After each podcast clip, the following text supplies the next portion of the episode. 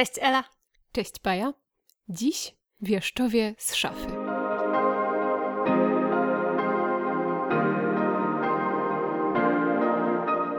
Cześć w kolejnym odcinku naszego podcastu. Wieszczowie z szafy. Y, dosłownie i w przenośni. Będziemy sobie dzisiaj, przenosimy się trochę do czasów y, romantyzmu, albo i nie, y, bo te miejsca akcji będą bardzo różne w przypadku książek, które dla Was na dzisiaj wybrałyśmy. Ale zanim przejdziemy do tych naszych wieszczów, to ogłoszenie. Przypominamy Wam, że możecie na nas głosować w plebiscycie Opowiem Ci w kategorii podcast literacki. To taki plebiscyt, w którym możecie zagłosować na na swoich ulubionych twórców i swoje ulubione twórczynie promujących literaturę w sieci, więc znajdziecie tam zarówno dziennikarzy i dziennikarki literackie, youtuberki e, i youtuberów, e, bardzo e, szeroki zakres kategorii się tam znajdzie, w tym także podcast literacki, gdzie znajdziecie nasz podcast. Będzie nam bardzo miło, jeżeli oddacie na nas swój głos, może poznacie jakąś nową twórczynię albo nowego twórcę. Bardzo serdecznie zachęcamy Was do zapoznania się z tym plebiscytem. Link do niego znajdziecie w opisie naszego odcinka. To tyle, jeśli chodzi o ogłoszenia. Dzisiaj bardzo krótko. Przechodzimy więc do tych naszych wieszczów. Zaczniemy od Adama Mickiewicza. Nie wiem, czemu tak zmodulowałam głos. Wydaje mi się, ja że wiem Adam. Czemu. Wydaje mi się, że jakoś tak to pasuje do Adama, ale może właśnie stereotypizuje. Może właśnie ten Adam Mickiewicz narósł niesamowitymi stereotypami, yy, jakimiś wzorcami, skojarzeniami. Wydaje mi się, że nawet na pewno tak jest i że jest jakaś taka figura wieszcza, to właśnie jest ta figura Adama Mickiewicza, takiego y, narośniętego, zamumifikowanego trochę, a w przypadku naszej książki, którą wybrałyśmy na dzisiaj, upiornego, prawda Ela? Tak, i myślę, że to jest fantastyczna książka do. Fantastyczna. w ogóle fantastyczna kropka, ale też fantastyczna książka do właśnie tej analizy, co się dzieje z tymi wieszczami w naszym kraju, w naszej kulturze, w naszym języku, w naszej świadomości, więc za chwilę się tym zajmiemy. No i jeśli jeszcze się nie domyślacie, która z książek jest e, pierwszą bohaterką dzisiejszego odcinka, to jest to Wypiór Grzegorza Uzdańskiego. E, to jest pierwsza książka, którą ja przeczytałam w tym roku. Jedna z ostatnich, którą ja czytałam teraz niedawno, no więc no taka właśnie, klamra trochę. Trochę klamra narracyjna. No i ja często myślami wracałam do tej książki. Ale i... on czekał czekał na y, ten y, listopadowy klimat i tą listopadową aurę, y, którą jeszcze ciągle mamy za oknami, mimo śniegu. Więc to jest bardzo dobry moment też dla, dla Was, myślę, żeby, żeby po tego wypiora sięgnąć. No i teraz, co to właściwie jest za książka? Bo chyba od tego trzeba zacząć. Jest to coś bardzo ciekawego formalnie i w ogóle koncepcyjnie i świetnie zrealizowane zrealizowanego, bo e, Grzegorz Uzdański e, wymyśla sobie taką e, historię, w której, jakiego ty słowa użyłaś przed chwilą? Zdesperowani, sfrustrowani. Sfrustrowani, tak. Sfrustrowani trzydziestolatkowie, milenialsi żyjący w Warszawie prowadzą swoje takie dosyć, dosyć typowe, powiedziałabym. Milenialskie, milenialskie życie. życie. Przejdziemy z, sobie myślę do tego, co to tak. znaczy typowe milenialskie życie. Tak, no ale jest pewien wyjątek od tej reguły, od tych e, typowych doświadczeń, bo e, w szafie, w mieszkaniu, które zajmują, mieszka Adam Mickiewicz który jest wypiorem, albo też upiorem, albo też wampirem, mówiąc językiem bardziej współczesnym. No i to oczywiście wiąże się dla nich e, z całą masą ograniczeń i, i problemów. Jednocześnie daje im też dostęp do e, bardzo ciekawych e, rozważań i doświadczeń, no bo nie każdy może sobie porozmawiać z Adamem Mickiewiczem. No i to jest taki zarys fabularny, powiedzmy, tej książki. No ale jest jeszcze oczywiście forma.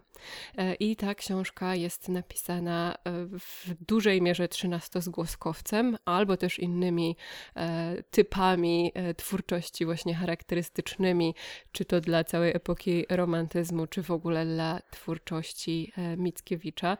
I Grzegorz Uzdański jest naprawdę świetny w, w wyczuwaniu tych niuansów językowych, poetyckich, w odwzorowywaniu ich w jakiś sposób, przekształcaniu oczywiście, bo tutaj mamy dużo tych współczesnych elementów, które jakoś tak ciekawie się łączą, kontrastują z tym dawnym stylem. No i właśnie w taki sposób ta książka wygląda. To jest po prostu brawurowe, to co tutaj się dzieje mhm. z tym, y, właśnie mamy to nietypowe, y, wydawałoby się dla 13-zgłoskowca miejsce akcji, czyli współczesna Warszawa. Mamy nietypowego bohatera, bo samego y, Adama Mickiewicza, teraz wypiora wampira, więc to wszystko tworzy niesamowicie, no taki wciągający, mhm. wciągającą mieszankę. To jest teraz, tak sobie rzucę, bo mogłoby się wydawać, że to jest pastisz, ale dla mnie w żadnym wypadku nie ma tutaj mowy o jakiejś prześmiewczości. To jest bardzo y, zabawny, ale też przy okazji taki dosyć punktujący pewne nasze y, bolączki, zarówno współczesne, jak i jakieś takie historyczne tekst, który mhm. właśnie przez tą zabawę formą e, skłania nas do tego, żebyśmy się zastanowili, no jak ten romantyzm funkcjonuje w teraz, w naszych czasach. Czy na niego właśnie jest miejsce, czy ten trzynastozgłoskowiec, który opisuje nam e, oglądanie telewizji, to, to, jest, to, jest, to, to jest to, jak można o tej rzeczywistości teraz opowiadać i jak ten romantyzm tej rzeczywistości naszej funkcjonuje. E, ja chyba często, wydaje mi się, że już parę razy pomstowałam na Mickiewicza, wydaje mi się w naszym podcaście, właśnie głównie często za tematkę Polkę mu tutaj tak wygrażam. E, no i właśnie to jest to, jaka jest ta spuścizna tego naszego e, romantyzmu, czym ten romantyzm jest, czy on jest właśnie takim bardzo skostniałym tworem, nad którym no w ogóle nie można się za bardzo pochylić, żeby jakoś go spróbować zdekonstruować, bo on wydaje mi się, że jest mocno w pewnych aspektach, mocno wrośnięty w mhm. Jakąś taką definicję polskości, albo tego, kim jest właśnie ta, ta kobieta, ta Polka, ta matka Polka. Jest bardzo tak e, sztywnie, mocno osadzony w bardzo konkretnych ramach i teraz próba wyjścia e, spojrzenia na tego trupa w tej szafie, na ten romantyzm, prawda, to jest y, no, dosyć takie, y, powiedziałabym, ryzykowne. Brawurowe. Brawurowe. Bardzo takie ryzykowne, żeby właśnie spojrzeć na te wszystkie takie skostniałe, już zamumifikowane, yy, jakieś, nie wiem, toposy, obrazy, yy, sposoby interpretacji tej romantycznej literatury. Tak sobie teraz po prostu na głos myślę, jeśli chodzi właśnie co ta forma, poza tym, że to jest po prostu świetnie napisane, jakie, jakie te pytania możemy sobie tutaj postawić po lekturze właśnie Wypiora. Tak, myślę, że w ogóle jest wiele takich warstw w tej książce, na których można by się skupić i e, drążyć jakieś e, refleksje.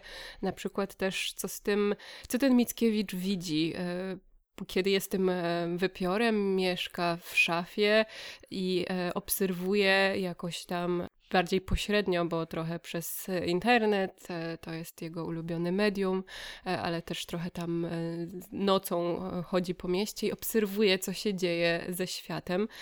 I właśnie ciekawe jest to zadanie sobie tego pytania, co się zmieniło, od czasów romantyzmu, jak on to widzi jako postać z przeszłości, która żyje jakoś nadprzyrodzenie długo i może obserwować to, co się dzieje z, z historią, ze społeczeństwem, z postrzeganiem pewnych kwestii, to, co się, e, co się pozmieniało kulturowo i jakoś tam w, w systemie światopoglądowym i filozoficznym. Więc to jest taka kolejna warstwa, że takie mm, postaci, które są właśnie wieczne w jakiś sposób, e, znowu nam dają takie, takie trochę pole do popisu na zastanowieniem się nad właśnie mm, zmiennością i przemijaniem czasu. To tutaj e, też jest ciekawe. No ale w ogóle myślę sobie, e, nawiązując do tego, co ty powiedziałaś, że to jest bardzo też takie odświeżające. E, myślę, że właśnie my możemy zerwać z tym takim szkolnym romantyzmem, który chyba wszyscy mamy trochę wpojony, raczej podejście do niego, żeby, żeby te, ten dorobek cały wieszczów, tak, wieszczów przez duże W zawsze. Zawsze. E, żeby gdzieś e, stawiać na jakimś piedestale, że to są rzeczy, których się trzeba nauczyć na pamięć i interpretować według jakiegoś Właśnie ten e, klucz, prawda? Klucza, tak. Ten klucz najczęściej powinien zawierać takie elementy jak patriotyzm, wolność, właśnie jakieś bardzo górnolotne elementy, wzniosłe i tak dalej. O walce i poświęceniu, Dokładnie. Tak Dokładnie, więc to wszyscy e, mamy gdzieś wtłoczone e, w nasze myślenie o romantyzmie i o wieszczach i wieszczowaniu. E, no i myślę, że też trochę wszyscy, a przynajmniej jakaś część z nas ma trochę dość tego, tego sposobu podejścia i tej interpretacji, że to mm, wydaje się trochę przebrzmiałe, że wydaje się to jakimś przeżytkiem, że wydaje się to już tyle razy używane, że, że zużyte ostatecznie. E, no i myślę, że to jest super, że można pokazać e, takie podejście, które e, z jednej strony czerpie z tego dorobku, z drugiej trochę go odziera z jakiejś takiej właśnie wzniosłości i takiej strasznej mitologizacji, z trzeciej strony właśnie uwspółcześnia pewne kwestie, więc pokazuje, że my nie tylko możemy sięgnąć w przeszłość i wziąć to, co jest tam gotowe i tego się trzymać kurczowo i nie zmieniać, tylko że to jest coś, co też e, jest dostępne dla każdego, dostępne dla wszystkich. Każdy może to sobie jakoś po swojemu przeżyć, zinterpretować, dostosować, e, użyć tego do jakiegoś e, bieżącego komentarza, nie tylko do tego, co się działo ileś tam set lat temu. Więc to jest coś, coś super. Myślę, że też się wiąże z tym, co często e, powtarzamy, że mamy jakiś ten skostniały e, kanon e, literacki, czy sko skostniały kanon w lektur. W kontekście tego słowa skostniały jest po prostu Prawda? absolutnie, to jest po prostu takie zabawne. No przepraszam, przerwałam Ci. Tak, no więc właśnie to bardzo się wpisuje w nasze takie postulaty, które czasami zgłaszamy, żeby gdzieś wyjść poza ten kanon, żeby się odważyć, tak samo jak o poezji opowiadamy, żeby pozwolić sobie na to bardziej doświadczanie poezji, odkrywanie jej, e, trochę takie um, egocentryczne przeżywanie poezji, czyli nie co autor miał na myśli, tylko co ja e, czuję. Tylko co ja czuję, co ten wiersz we mnie zmienia. I myślę, że tutaj też jest trochę takie e, podejście właśnie do Mickiewicza i jego twórczości, właśnie nastawione na to, co my dzisiaj możemy sobie z tego wyciągnąć. Tak, e, no właśnie zaraz myślę sobie, przejdziemy krótko do tej współczesności, a którą reprezentują dla nas główni bohaterowie, mm, oryginalnie stworzeni przez y, y, Uzdańskiego, chociaż właśnie chciałam się skupić na tym, kim jest ten Mickiewicz tego y, Uzdańskiego, jak mhm. on, kim on jest i dla mnie, no oczywiście ma, mamy fakt, że jest wampirem i w, otrzymał tą nieśmiertelność, dzięki której może sobie obserwować to, tak jak powiedziałaś, te wszystkie zmiany zachodzące w społeczności, jakoś mm, komentować to na swój sposób, albo, nie, albo i nie wycofywać się, ale też fakt, że on utracił swoje zdolności e, poetyckie, mhm. że po prostu nie potrafi już pisać, nie potrafi tworzyć i że y, właściwie stał się cieniem trochę samego siebie. Ale dla mnie wymowne jest też, aha, cieniem, rzeczywiście, dobra, zły, zły dobór słów. Właśnie ale, bardzo dobry. w sumie tak. Um, ale um, chciałam powiedzieć, że dla mnie też bardzo wymowne jest też to, że gdyby tak, y, tak spojrzeć sobie na, na tego Mickiewicza, to w sumie on jest bezdomny. Y, mieszka sobie w tej szafie, ale to nie, nie mieszka tam od zawsze. I nie mieszka też, u, nie jest u siebie. Nie jest u siebie, tak. Mieszkaniu. I to jest moim zdaniem bardzo wymowne, jeśli spojrzeć sobie tak y, szerzej właśnie na te wszystkie te teorie, jakieś takie ramy, o których sobie tutaj rozmawiamy, czyli właśnie ten e, romantyzm, który jest wszędzie, ale tak naprawdę nie jest nigdzie, że po prostu ten Mickiewicz, no ten Mickiewicz, tutaj bohater, nie ma swojego miejsca tak naprawdę, jest e, tułaczem, nikt by go nie rozpoznał, nikt by nie uwierzył, gdyby by się przy przypadkiem przyznał, że ja jestem Adamem Mickiewiczem i nikt by przecież jakby nie, w ogóle nie, nie wziąłby tego na poważnie, gdyby tak wyszedł i chciał jakby wziąć w posiadanie swoją twórczość, która jest gdzieś poza nim i że on tak naprawdę no, nie ma swojego własnego miejsca, tylko został sobie tak trochę e, zawłaszczony, przywłaszczony i, i tak trochę jest rozerwany. Każdy wziął sobie z niego coś, co chciał i trochę też może prze, e, przeinaczył, trochę pozmieniał i to już nie jest ten prawdziwy e, Adam Mickiewicz Mickiewicz albo to, co, kim on naprawdę był, kiedy jeszcze żył. Więc tak po prostu to wydało, wydaje mi się, że to jest taki bardzo um, ciekawy, ciekawy e, element tej książki właśnie, kim jest w ogóle sam e, Adam Mickiewicz tutaj. Mhm. E, ale też chciałam sobie chwilę z Tobą jeszcze porozmawiać o naszych głównych bohaterach. Marcie i Łukaszu, o tych naszych milenialsach, trzydziestolatkach, mieszkających w Warszawie, po bardzo ambitnych studiach, wykonujących nieambitną pracę.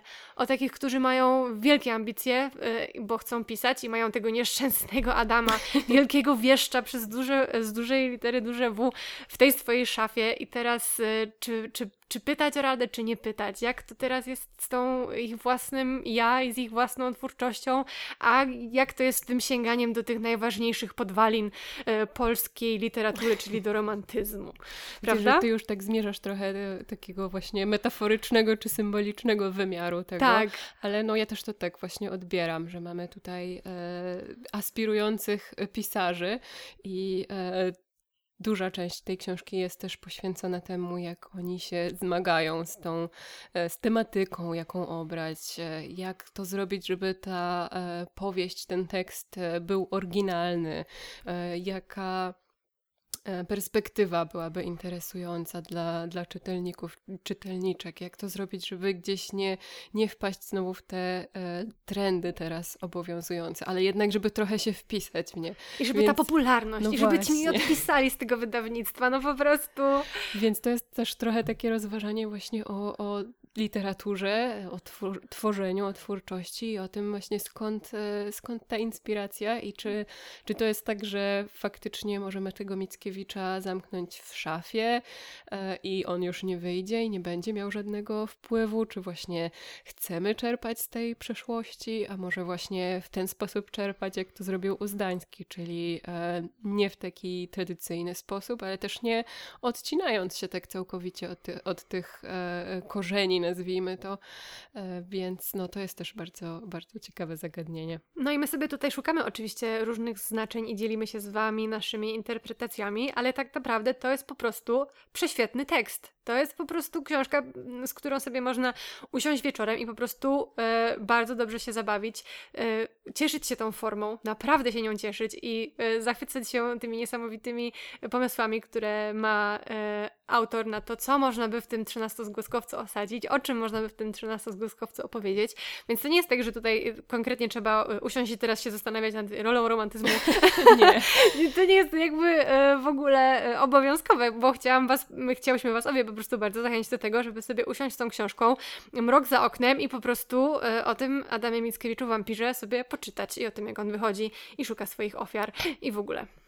Tak, ja zaraz przeczytam, e, postaram się jakoś zinterpretować fragment e, dla Was, ale jeszcze zanim to zrobię, to chciałam dodać e, na marginesie, że tutaj są też różne wspaniałe stawki i jedną z moich ulubionych jest to, że Adam Mickiewicz jest wielkim fanem futbolu i Lewandowskiego i po prostu wymiany komentarzy na forum, które wyobrażacie sobie, macie na pewno przed oczami jakieś komentarze z internetu, które gdzieś gdzieś czytałyście albo czytaliście, jak to wygląda, e, jak to jest napisane, w jakim tonie są utrzymane te e, komentarze, więc Właśnie takie komentarze tutaj znajdują się w tej książce, e, odtworzone idealnie na takim właśnie poziomie, jak powinny być.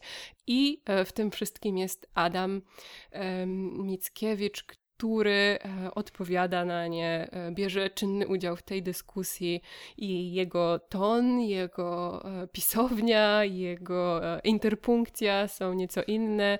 Ja się bardzo identyfikuję w tym momencie z, z Adamem. Adamem. Ja wiem, po prostu jak czytałam te komentarze, a potem zobaczyłam wpis w ten, który, no po prostu no nie można nie zobaczyć, że, się, że po prostu, że jest inny, to ja po prostu, o tak, tu wszystkie przecinki są na miejscu, Ela na pewno się strasznie cieszyła.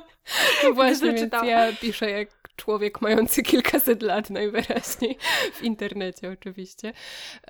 No więc, więc e, oprócz tego właśnie, że, że się identyfikowałam, to jest to naprawdę e, majstersztyk pod względem właśnie zwracania uwagi na różne szczegóły, tych, pod względem tych kontrastów e, i pod względem po prostu tego, jakie to jest zabawne. Tak. Dobra. Czy teraz, teraz przechodzimy do fragmentu? Będzie fragment. Postaram się. Nie, to jest świetne. Uda ci się. to jest fragment e, z początku, taki mniej więcej wprowadzający właśnie w e, akcję. Mieszkanie Adam Marta. Adam siedział z laptopem w kuchni. Z monitora wylewała się jasna południowa pora. Słońce ostro świeciło przez zielone liście. Był to film o strażaku i o terroryście. Którego strażak gonił? Grał go raper Shaggy, lecz Adam na fabułę nie zwracał uwagi. Wzrok zanurzywszy w dziennych barwach różnorodności, film mógł być więc naprawdę dowolnej jakości. Adam i tak uważał, że jest przewspaniały, byleby tylko sceny w dzień się rozgrywały. Jeśli przyjąć wampiry za punkt odniesienia, dwa wynalazki mają najwięcej znaczenia. Badania krwi, bo potem w pobliżu szpitali krew, którą po zbadaniu do śmietnika dali, można ukraść i wypić. I filmy w kolorze, które to, co najbardziej ciąży na upiorze, niemożność by się za dnia rozejrzeć po świecie, łagodzi. W telewizji, a teraz też w necie.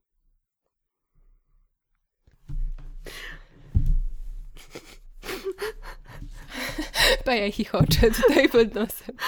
Więc no właśnie, więc to jest e, rzecz, przy której można sobie chichotać, e, rzecz, przy której można się odprężyć, rzecz, przy której można snuć jakieś e, głębsze refleksje. Wspaniała rzecz też do, do dyskusji, do dzielenia się, więc jeśli macie przy kim czytać, to to jest coś, co można fragmentami czytać na głos, jak najbardziej. No więc bardzo Was zachęcamy do tej lektury. Jeśli już macie ją za sobą, to też y, bardzo chętnie się podzielimy wrażeniami, usłyszymy, jakie wrażenia wyście wyniosłe i wynieśli z lektury. No i przechodzimy chyba do drugiego wieszcza. Drugi wieszcz, y, czyli słowacki, y, który jest twoim ulubionym. Tak. Tak. Ja no, byłam Team Adam przez jakiś czas. Mm, ale teraz już e, jakby nie jestem tak, e, tak, taka pewna, po czyjej stronie jestem, chociaż e, zdecydowanie postać Słowackiego dzięki tej książce, którą chcę Wam przedstawić, mm, nabrała barw i kolorów i jakiegoś takiego nowego też, nowe też spojrzenie, jakby mi dała nie tylko na samą postać Słowackiego, ale też na to, jak interpretujemy pewne teksty i jak one funkcjonują i kto do nich siada i jak na nie patrzy. A ta książka, którą chciałam Wam przedstawić, tak krótko, to książka z wydawnictwa krytyki politycznej e, Marty Justyny Nowickiej, Słowacki, Wychodzenie z szafy. Więc to jest nasz e, drugi wieszcz i, i ta szafa, która się pojawia. Tutaj u, u Zdańskiego ta szafa to jest bardzo takie no, dosłownie. dosłownie. A u Marty Justyny Nowickiej mamy bardzo ciekawe spojrzenie na postać Słowackiego. I to nie jest taka biografia, typowa biografia, że mm, przedstawienie po kolei od dzieciństwa przez dorastanie, wczesną młodość, edukację, relacje z, najb z najbliższymi, czyli z matką i potem ta cała twórczość. E, tylko, i, i, to nie jest też taki tekst, w którym e, autorka po prostu wykłada nam przed nami jakieś takie e, niepodważalne dowody na to, że na, na jakąś queerowość Słowackiego czy na jego homoseksualność. Nie, to jest bardziej analiza tekstów, takiego dyskursu, powiedzmy sobie, takiego zarówno prywatnego, bo tutaj bardzo dokładna pojawia się analiza listów między Słowackim a jego matką, e, a także oczywiście analiza jego twórczości i tego, jak można ją interpretować. I te klucze interpretacyjne właśnie, które wybiera sobie autorka e, Marta Justyna Nowicka, to są e, bardzo ciekawe mm, spojrzenia typu pod, spo, zinterpretowanie tych tekstów przez teorię innego, przez inność, albo właśnie przez jakieś interpretacje genderowe, albo przez queerowe. To są bardzo ciekawe spostrzeżenia które, no muszę Wam powiedzieć, że to jest dosyć gęsta książka, to jest po prostu książka e, akademicka i ona jest dosyć trudna. Ja sama nie e, znam się bardzo dobrze ani na romantyzmie, ani nie jestem bardzo biegła w tych wszystkich teoriach, którymi posługuje się autorka, ale mimo to wydaje mi się, była to dla mnie bardzo cenna e, taka mm, wyprawa w ten świat słowackiego i w jego twórczość, w jakąś jego prywatną korespondencję, bo wydaje mi się, że tym najważniejszym, co tutaj sobie wyłuskałam z tej książki, to fakt, że mm, on, autorka zastanawia się, jak y, właściwie Słowacki nie wpisywał się w jakąś taką heteronormę, jak y, on nie wpisywał się w jakieś te y, modele heteronormy, które można by zinterpretować i zidentyfikować w czasach, w których żył i gdzie te szczeliny, gdzie te jakieś niepewności, gdzie te wątpliwości się pojawiają, czy to właśnie w jego twórczości, która wygląda inaczej niż innych wieszczów, innych twórców, którzy w tamtych czasach pisali, jak to się przejawia w tym, jak on się kreował. W sumie słowo mhm. kreacja ma tutaj też duże znaczenie dla myśli wysnuwanych przez y, autorkę, bo pisze właśnie też o tym, jak Słowacki się kreował, jak on kreował się w listach do y, matki, jak on kreował się w listach do ukochanych przyjaciół, jak on kreował się w listach do kobiet, z którymi tworzył y, nietypowe związki albo wymykające się jakiejś prostej interpretacji, więc ta kreacja i ta zmiennokształtność trochę Słowackiego i to, jak różni są ci różni Słowaccy, których możemy sobie zaobserwować czy to właśnie w listach, w zależności do kogo, czy to w jakichś e, szkicach jego twórczości, czy to w już opublikowanych tekstach. To były naprawdę bardzo ciekawe spojrzenia i tak jak mówię, to jest dosyć, była dosyć gęsta książka, e, ale bardzo się cieszyłam, że ją przeczytałam właśnie jeśli chodzi o takie kreatywne i, interpre- i kreatywną interpretację jakiegoś zastanego status quo i spojrzenie właśnie na ten romantyzm, a tutaj właśnie w konkretnym przykładzie na Słowackiego, na jego twórczość przez jakieś inne ramy i jakieś takie nowoczesne teorie, jednak mimo wszystko trzymając się mocno tego e, osadzenia mm, w epoce, więc e, no, było to bardzo ciekawe e, i bardzo takie inspirujące spotkanie z tym tekstem. Dałam Ci trochę do podczytania tak. E, końcówkę, prawda? Tak, ja przeczytałam ostatni rozdział na razie, e, też dużo mi opowiadałaś w trakcie lektury e, i ogólnie właśnie moje refleksje po tym fragmencie tej książki są takie, że tutaj się dzieje troszeczkę coś podobnego, co w tym wypiorze, oczywiście w zupełnie e, innej formie i w zupełnie innych ramach, ale mam wrażenie, że to jest też taka książka, która um, odchodzi od takiej interpretacji bardzo ostatecznej, e, która raczej jest otwierająca o, na tak. wiele różnych e, perspektyw, które ze sobą współistnieją, które czasami już no, po latach, a może nawet w ogóle w, nawet w, za czasów życia słowackiego nie da się stwierdzić, która z nich jest prawdziwa, która zbliża się do prawdy, która w ogóle e, jest tylko jakąś iluzją. Więc myślę, że to jest też e, bardzo ciekawe. Mm, uderzyło mnie to, że ona tutaj często e, powołuje się na jakichś innych badaczy i na inne badaczki, e, czy to e, życiorysu, czy twórczości słowackiego. I to, jak często w tych starszych tekstach pojawiały się właśnie bardzo takie kategoryczne w tonie e, oceny czy ustalenia, takie bardzo um, autorytatywne wypowiedzi. Nie, nie pozostawiające w ogóle pola do jakiegokolwiek tak, ruchu, prawda? Tak, tak, tak, no właśnie, więc e, że był taki trend, być może jeszcze się nadal e, utrzymuje w niektórych e, środowiskach, żeby właśnie wydawać te ostateczne sądy, czyli ja zbadałam, ja zbadałem, teraz wiem już, że na pewno na 100% było właśnie tak. No i jak się spojrzy na to, ilu badaczy, ile badaczek właśnie w taki sposób coś twierdziło, czy to równolegle do siebie, mam na myśli w czasie, czy też właśnie jakoś tak stopniowo się to zmieniało, no to rzeczywiście e, jest to nawet w pewien sposób zabawne, że tyle różnych e, wykluczających się mm, kategorycznych sądów zostało e, wydanych, więc to jest znowu coś chyba takiego, co często powraca u nas, czyli to dojście wreszcie do wniosku, bo e, im bardziej e, się w jakiś temat zagłębiamy, im większą wiedzę zdobywamy, to dojście do wniosku, że e, no, ostatecznych odpowiedzi chyba nie ma w wielu względach, że jest, wszystko jest bardzo złożone. No i tak samo Myślę, że to jest w pewien sposób wyzwalające e, dla nas jako czytelniczek o, tak. i czytelników, bo no tak jak mówisz, to jest książka e, dosyć e, trudna, osadzona w takich akademickich ramach, akademickich terminach. Nie każdego i nie każdą z nas to interesuje, nie wszyscy się tym zajmujemy, wręcz przeciwnie, tylko mały, mały wycinek ludzkości zajmuje się tym tak zawodowo. Natomiast dużo wszyscy czytamy, i znowu to jest ten e, moment, kiedy e, ja znowu poczułam, że no, skoro nie ma jednej odpowiedzi i kiedy e, patrzy się na właśnie różne interpretacje, różne badania i, i, i wychodzi z tego, że każdy inaczej to odczytał, że każdy się upiera trochę przy, przy tej swoim, swojej, tak. swojej interpretacji i przy tym swoim właśnie zdaniu, no to wynika z tego, że my też możemy mieć odwagę jakoś to po, po swojemu odebrać i e, wiadomo, mamy być może różnego e, rodzaju wiedzę, różny zakres tej wiedzy faktograficznej takiej i, i jakiejś właśnie takiej związanej z narzędziami e, interpretacyjnymi, no ale niemniej wszyscy mamy jakieś narzędzia, chociażby takie emocjonalne do interpretacji i to jak najbardziej nam daje dużą wolność swobodę i szeroki taki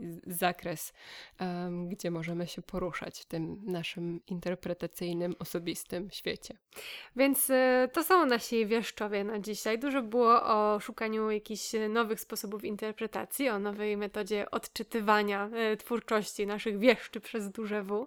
Y, ale jestem, jestem w sumie ciekawa, tak już sobie podsumowując, czy Wam się zdarzyło spojrzeć na coś stwierdzonego kategorycznie inaczej, na jakąś prawdę objawioną w zupełnie inny sposób, albo czy coś stało się dla Was nowe i odkrywcze, chociaż wydawało Wam się, że jest już jakieś takie utrwalone i oklepane, bo wydaje mi się, że w moim życiu ostatnio dużo jest takich jakichś odkryć i pozwalam sobie na dużą e, wolność i swobodę w patrzeniu na, e, na, różne, na różne książki. I jestem e, na różne książki, na różne teksty i w ogóle, więc jestem ciekawa, czy u Was coś takiego odkrywczego, odważnego, nowego, wychodzącego poza schematy, wychodzącego z jakiegokolwiek sztywnie ustalonego miejsca się pojawiło.